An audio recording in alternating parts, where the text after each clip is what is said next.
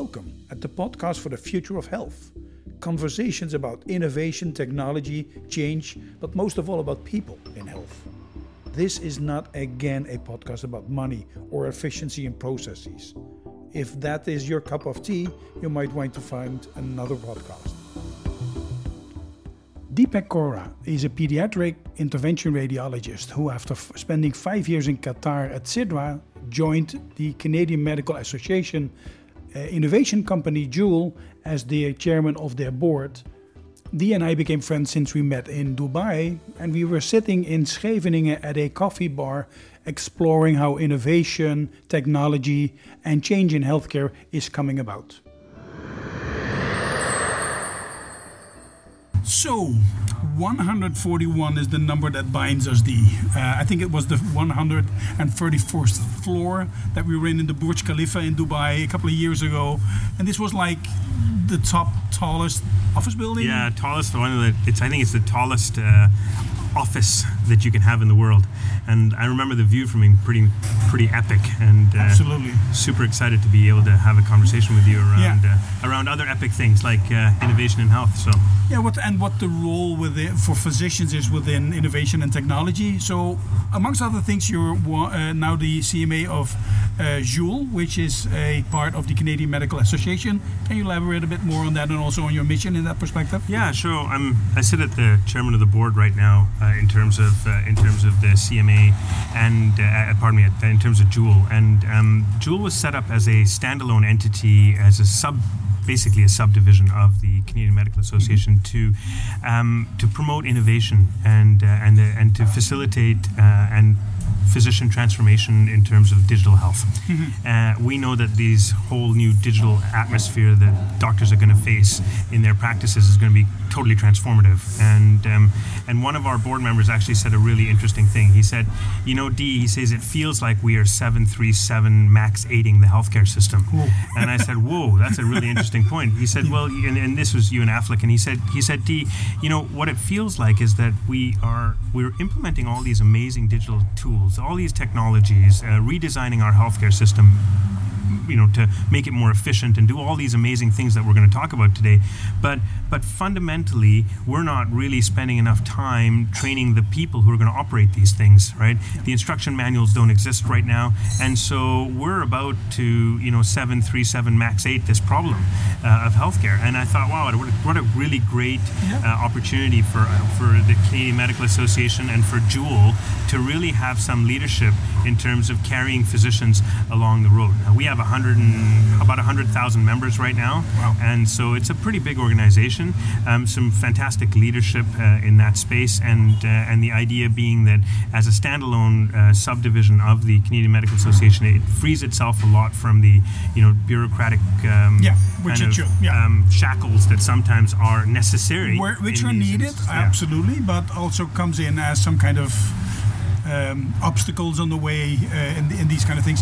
So I I was involved in the at the kickoff of Joule uh, back in the days in Banff, and uh, I've seen firsthand how this got great traction.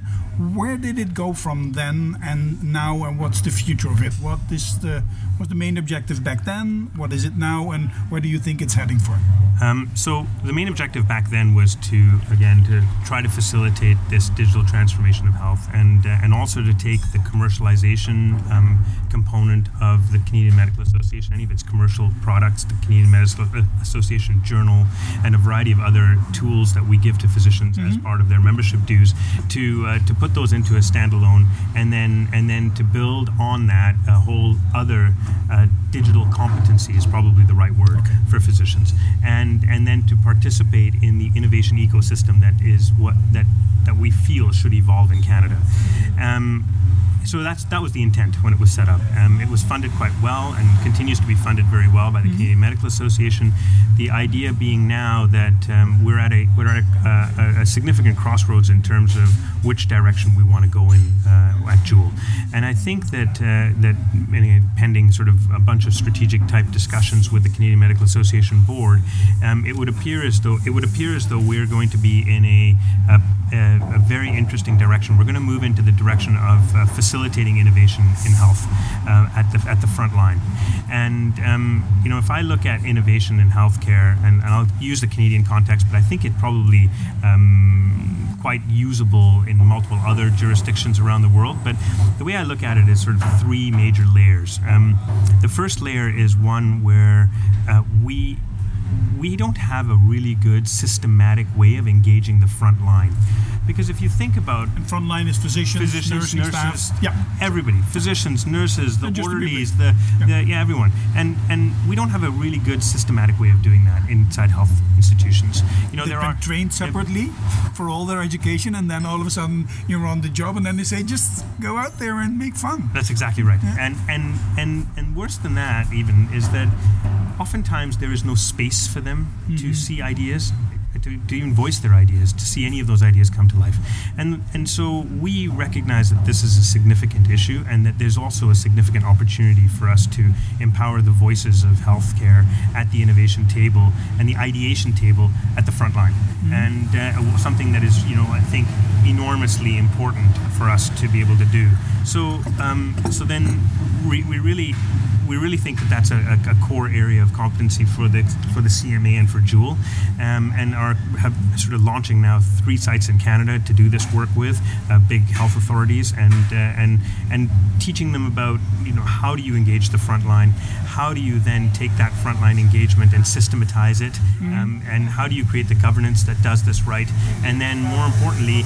Um, a, a very good understanding at the executive levels of these organizations and amongst the staff that the vast majority of these ideas will never see a commercial success at all because that's not the intent, right? I mean, if you look at some some of these idea generating capabilities, these human beings are these amazing idea generating things, right? We have this amazing imagination, and um, and and yet fraction of those ideas might actually come to life, and then even a smaller fraction will actually have any potential for commercial success. So, so getting people to understand that you don't just innovate for commercial success. You innovate because you have a reason to see an idea come to life. Because innovation um, allows people to to change the way things are happening. So this is more like a cultural program than a technological program. Absolutely correct. I, oh, you nailed it. That's exactly right. Yeah. So if that is the case, where is Joule in five years from now, from that perspective? So I'm not talking about terms in, of investments or having success in terms of bringing companies to the market, but what has Joule achieved for the, let's say, the members of the CMA in five years from now on this topic? So I think if Joule would have successfully achieved um, uh, giving the front line of healthcare a voice at the innovation table, and I think there's another uh, level that I think Joule would be incredibly successful, and I'd be so happy to see it uh, evolve, would be that it becomes synonymous with creating an integrated ecosystem of innovation in the country, right? Both at the front line as well as some of the other work that we're just about to launch uh, in Canada right now, which is in, in, in terms of an integrated health marketplace. Right? So I was saying there's sort of three layers of innovation uh, that I think about that are again imminently transferable, I think, to other jurisdictions. The first layer is the engagement of the frontline staff. Um, the second Engagement also as in creation of awareness, what's happening outside your world, step out of your bubble. You bet. Okay. Educating people about what innovation is, why it's important, and then how you can see your idea come to life. Once that happens, there will be a small subset of those ideas that have potential for commercial Hmm. success, which is amazing, right? We awesome. Um, if we can then you know in canada i think the, the, the governments have done a, a brilliant job of being able to create this sort of second layer of innovation which is then taking these um, these ideas and scaling and, and, and, and forming companies allowing people to form companies we have a lot of really fantastic small business um, uh, incentives for people to do fundamental r&d Yep. and create these companies. Great. So that's the second part is when if you can distill down to ideas that look like they're making sense commercially, then create companies around that. But the third and probably most significant part of innovation, and this is a problem everywhere that I've everybody that I've ever talked to uh, in this space, especially entrepreneurs, is for us to be able to then scale those ideas because you get locked into these trying to get a pilot with one health institution, Yeah. and for crying out loud, it could be your own health institution, right? Your your own home, sure. your Yeah, own home place, absolutely. and they just they can't get their head around how do you then take a small tech startup right put them through you know enterprise integration forms and security audits and all this stuff. And by the time this small agile company actually gets a pilot in one health institution their technology is a year and a half old. Yeah. right? it's a joke. So they And move south. so they move south. And um, honest, many of them they are, go are to the now US. moving to the US yes. And uh, and we don't want that right? And so the Canadian government doesn't want that. Canadians as a Canadian I don't want that. Mm-hmm. and I don't want to see that happen. I want to see these organized these these technologies scale.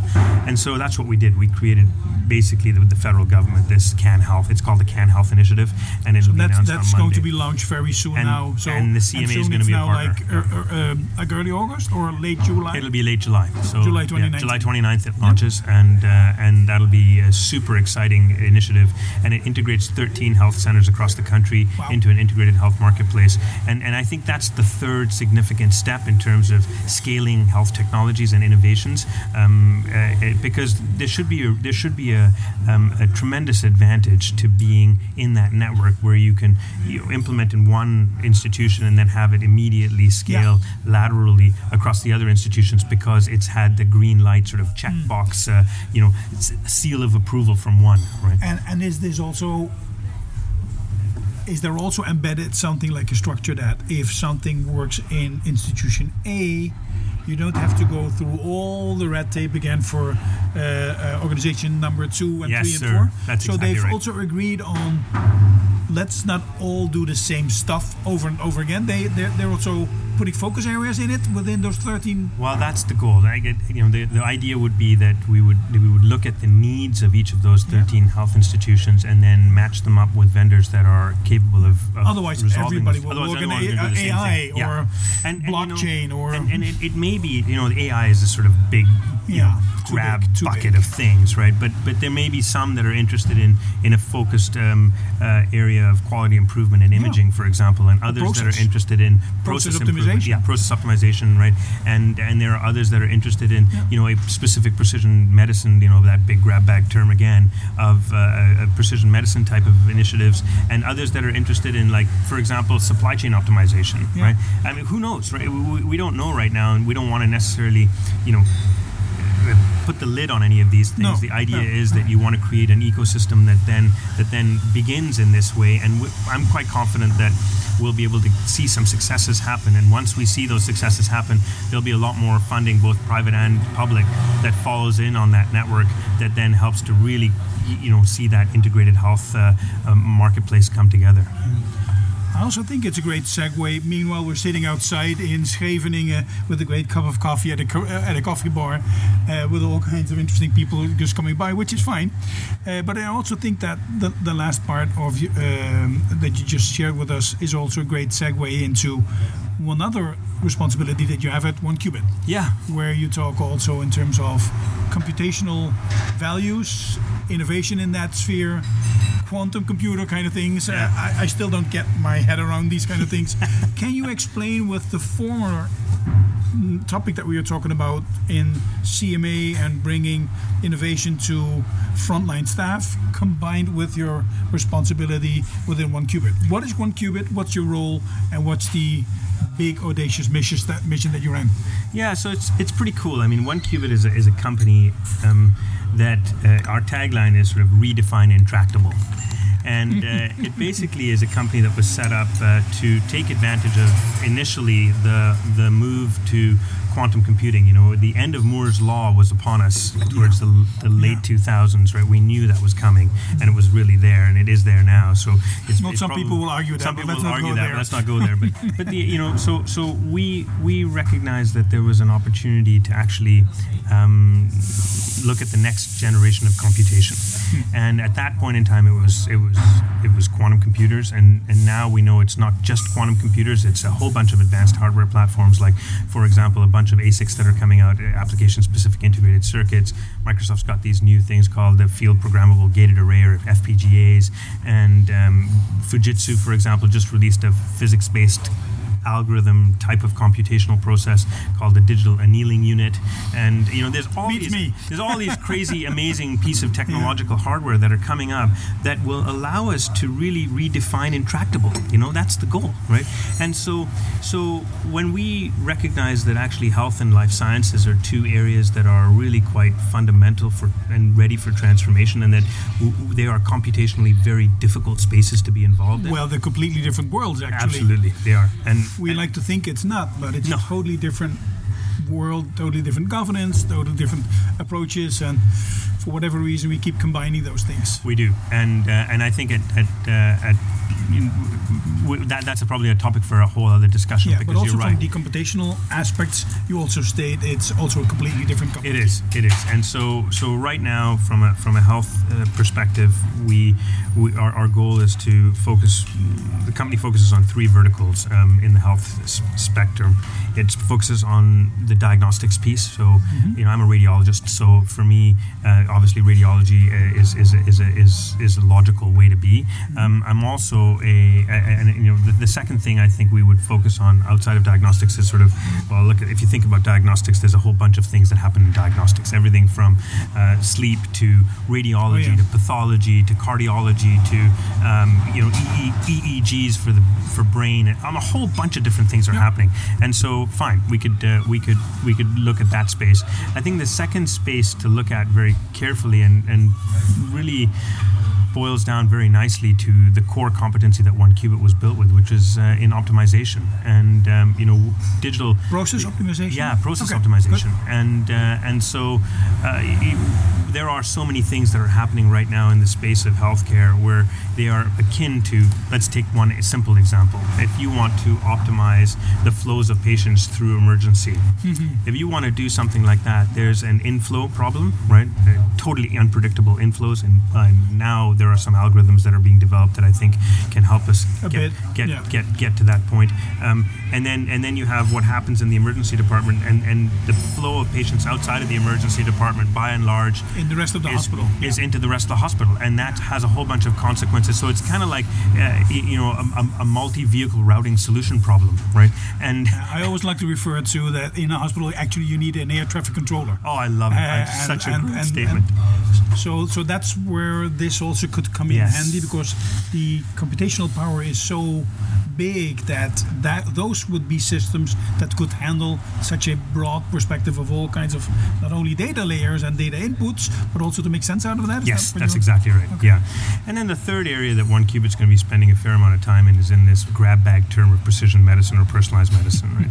and you know we laugh at this and, and you know Well, from a everyone- definition yeah, standpoint, everyone everyone I do. everyone loves everyone loves to say you know precision medicine. Yeah. It's uh, become this sort of like like, like innovation, right? Yeah. Uh, precision health. I love it. I love that. And so our goal is precision health. Talk about it that way. And and basically what we hope to be able to accomplish, is certainly on and, and are having some early successes, um, working in in device with device manufacturers to look at how do we optimize um, uh, and create predictive algorithms for for devices into the clinical sphere. And so uh, some really exciting stuff that you'll probably hear about in the next couple of months uh, that'll come out, and maybe we could do another quick catch up Oh, yeah, session well- at that point in time. and I'll, give you a little bit of an idea of the journey that we went on on that. Um, and then and then the other one is sort of looking at big health systems and and, and nationwide uh, population based um, factors, like for example cancer, and looking at how do you create correlative algorithms that uh, that um, help people. Um, especially clinicians, but, but even the patients ultimately decide what are the best treatments. Um, and then layering in various things on top of that over the next few years. And so we're very happy to be able to be doing some of that work and happy to be able to be doing some of that work in Canada, to be quite honest. It's my home that one. country and I love it. And I'm just so excited about, I, you know, I've always been excited about the potential of the Canadian healthcare system. And, um, and, and now I feel with the, with the, with the interdigitation of the work that I'm doing in advanced computation and the, and, and the work that the CMA can bring to bear bear, bear here is, is, is just this amazing. You can create a perfect storm. Well, I hope so. you know, that's the goal, right? Yeah. And, and the goal is that out of out of this perfect storm will come a, a completely transformative way to practice medicine in Canada, and, and we'll hopefully see the evolution of the Canadian healthcare system into something that we really, really are um, are proud to export. You know? yeah, can imagine. Yeah. So a lot of the things that we talked about have this computational aspect, also algorithms, and uh, one of my dear colleagues, Aimee van Wynsberghe, who also is an Edge Fellow at the Center for the Edge, uh, she, her mission is to create responsible AI and robotics. Uh, and she's trying to create a, a, a trademark or no a, a label for that, just like what Fair Trade did for coffee. So that's an interesting way to perceive Yeah. it. Uh, sitting in a coffee Yeah, bar sitting in a together with coffee you. um, where does ethics fit in all of this that you're just saying?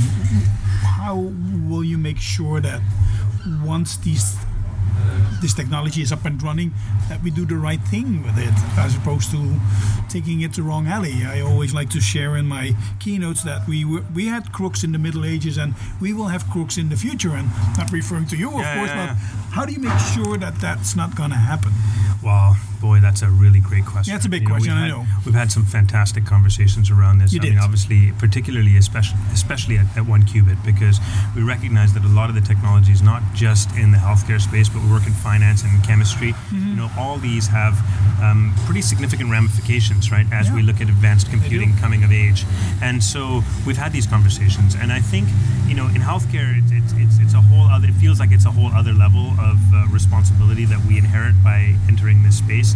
Um, and and the way I think about this is is fundamentally we need to continue this conversation, right? Like we Yep. need to we need to come together. And I, I I love I would love to meet Amy actually because I think Yeah. there's an opportunity to have a more directed conversation. Um, we have talked. Uh, I think. I could, all- I, I, I could imagine that the CMA would take I was on say, yeah. such a role nationwide to Yeah. say, "Hey guys, it's about ethics. It is, it's also based on our own oath that we've taken years and years ago, and it now brings it into a whole new dimension and new world with new challenges that also scale, but also scale if you're doing it the right way." Well, listen, can I tell you, like, I've, I've been talking about this for a long time, but never really seen it come to life, and that is to think about computation as a clinical service. Right? I I know it sounds crazy to say it, but uh, but but I've been thinking that actually com- computing now is evolving at such a dramatic pace inside health institutions that it should report up to the CMO. Right, and and and I've been saying this. I said it at Sidra when we ran. has become a software it, branch. Has become a software branch, Yeah, right? And it really should report to the CMO. It should not be reporting up to the CIO or CTO. I mean, the chief medical officer should be the one responsible for computing as a clinical service. Because let's face it, you know, the next five years we're going to see Oh, yeah. computers making not necessarily making decisions, but providing significant input into decisions Yeah. that are clinical. And uh, and so so I think the first sort of responsible thing for us to do is to have that conversation. Is for us all to get together to try to convince health authorities and and hospitals and um, and and whoever be whoever it be, you know, CEOs Yeah. particularly, that really you should be having com- computation reporting. Call it computing as a clinical service because that's what. I think it is. And so that's that's one piece of it. I think the second piece falls a lot, largely on uh, on the users of the technology, right? I mean, the developers of the technology for sure have the capability to build in lots of safety checks. Yeah. Um, it is uh, really responsible uh, for them to be able to show um, clinicians who are then employing these tools uh, in a transparent way how the tool works. Yeah. Right? We have this sort of big black box problem right now Oh. in AI, and I'm hoping that uh, that certainly you know at 1QBit we spent a lot of time re-architecting an entirely new way of building machine learning algorithms, and uh, and so that's why we, we, we we've gone completely departed away from the traditional ways of, of doing this. You know, Keras and a bunch of different things, but we built our own solution, and um, and it's taken us a huge effort and a lot of time to do. Imagine that. But we've done it because it gives us dramatic increased transparency to how these things work, and and the goal will be to then provide that transparency into uh, into the um, the clinician. But there's a second part of this, and and that is making people feel comfortable with this, so that we don't seven three seven max eight the problem Yeah. here, right? And and knowing the limitations of these tools, and so um, I think it's really important to get into medical schools and to start talking about data science. It's really important to equip our medical students with, um, you know, prac- real world practical experience on how these things evolve. And you know, I've had conversations with faculties of medicine already on this, You know, and they're this very excited to do it. your curriculum. It should be core we've, of your curriculum. We've changed Exactly. it in 2015 at Radboud uh, uh, University Medical Center fractionally, but now with all these involvement, it should be. This is being compute, computers.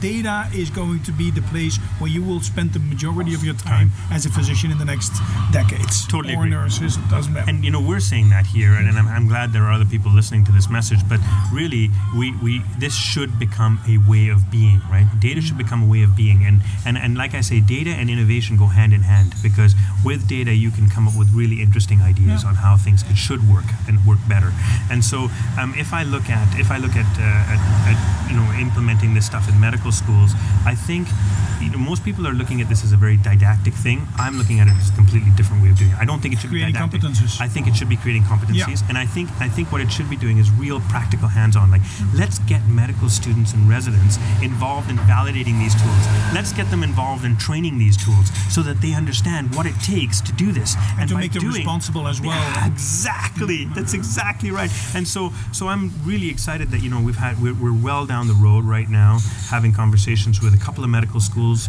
um, and and hopefully that stuff will come to life here in the next sort of 30 to 60 days. And then at that point, you know, we can have a conversation around this because I think there's some really cool things that we're going to do with some really you know good medical schools around the world um, to to to move in this direction, and then hopefully share our learnings with uh, Yeah. with others because this isn't about building a uh, um, you know a, a monolithic thing. This is about spreading the, uh, the thing. I, ha- I have I have this sort of guiding philosophy that I, I, I think originated in, in, in northern Canada, and it is lift as you climb. You know, as you take people as you, as you lift along your journey, take a whole bunch of people with Yeah. you, right?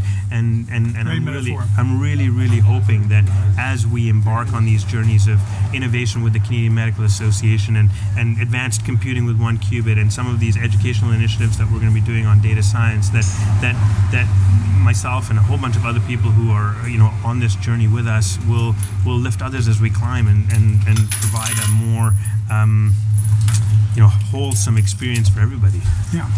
So my last question always is, why should youngsters, 14, 15 years of age, having to choose what their career would be, why would they have to choose for health and healthcare? Well, look, I, I think you know the.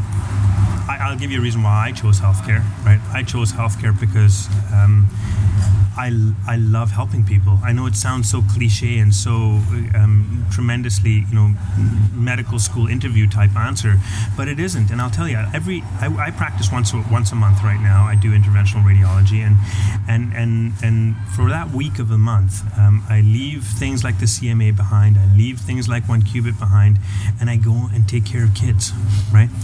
And it is the most rewarding thing I can do. I, I tell people it's like I fill up my you know, with with goodness, right? And and I think people who want to go into into medicine have got to come at it with that perspective, you know. If you want to fill up your tank with goodness, you you, you pick the right place, right?